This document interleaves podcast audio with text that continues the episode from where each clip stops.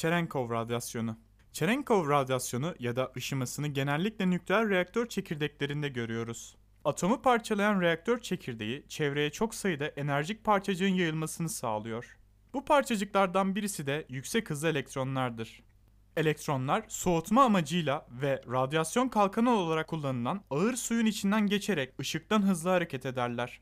Bu durumdan ötürü mavi görünümlü Cherenkov ışıması gözlemlenir. Cherenkov radyasyonunun bir diğer klasik örneği bir su altı nükleer reaktörünün karakteristik mavi parıltısıdır. Bunun nedeni ses patlamasının nedenine benzer. Sesten hızlı bir hareket meydana geldiğinde keskin bir ses duyulur. Halk dilinde buna sonik patlama deriz. Bir ortamdaki dalga hızı malzemenin hem elektriksel hem de manyetik olarak polarize edilebilirliğinden dolayı değiştirilebilir. Bu sözde faz hızı aslında foton fazının ortam içinde yayıldığı hızdır. Bir ortamdaki ışığın faz hızının boş uzaydaki hızına oranı malzemenin kırılma indisi n olarak tanımlanır. Malzemelerin çoğu için bu frekansa bağlı bir parametredir ve tipik olarak birden büyük bir pozitif sayıdır.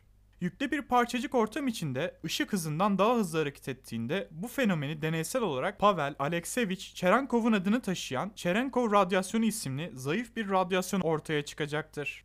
Gelin olayı daha anlaşılır bir biçimde inceleyelim. Klasik fiziğe göre hareketli yüklü bir parçacık elektromanyetik dalgalar yayar.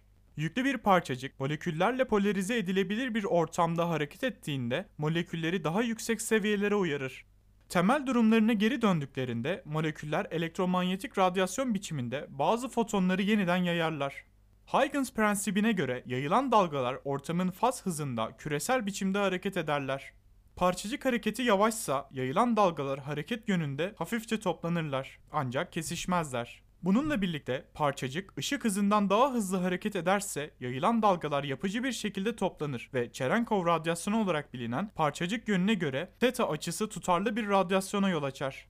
Etkinin imzası parçacık hareketi yönünde bir emisyon konisidir. Bununla alakalı bulunan şekli monolib.net üzerinden inceleyebilirsiniz. Konuyu bir örnek üzerinden pekiştirelim.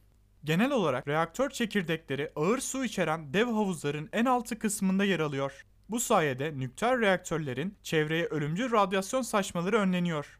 Negatif elektrik yüklü elektronları ağır suyun içinden geçtikleri zaman ki bunlar ışıktan daha hızlı hareket ederler, elektronlar sudan geçerken etrafa ışık saçarlar. Ama bu ışık elektronların gerisinde kalır. Böylece elektronlar reaktör havuzundan daha önce yukarı çıkmaya başlamış olan fotonlara sürekli olarak yetişirler ve arkadan çarparak onları geride bırakırlar.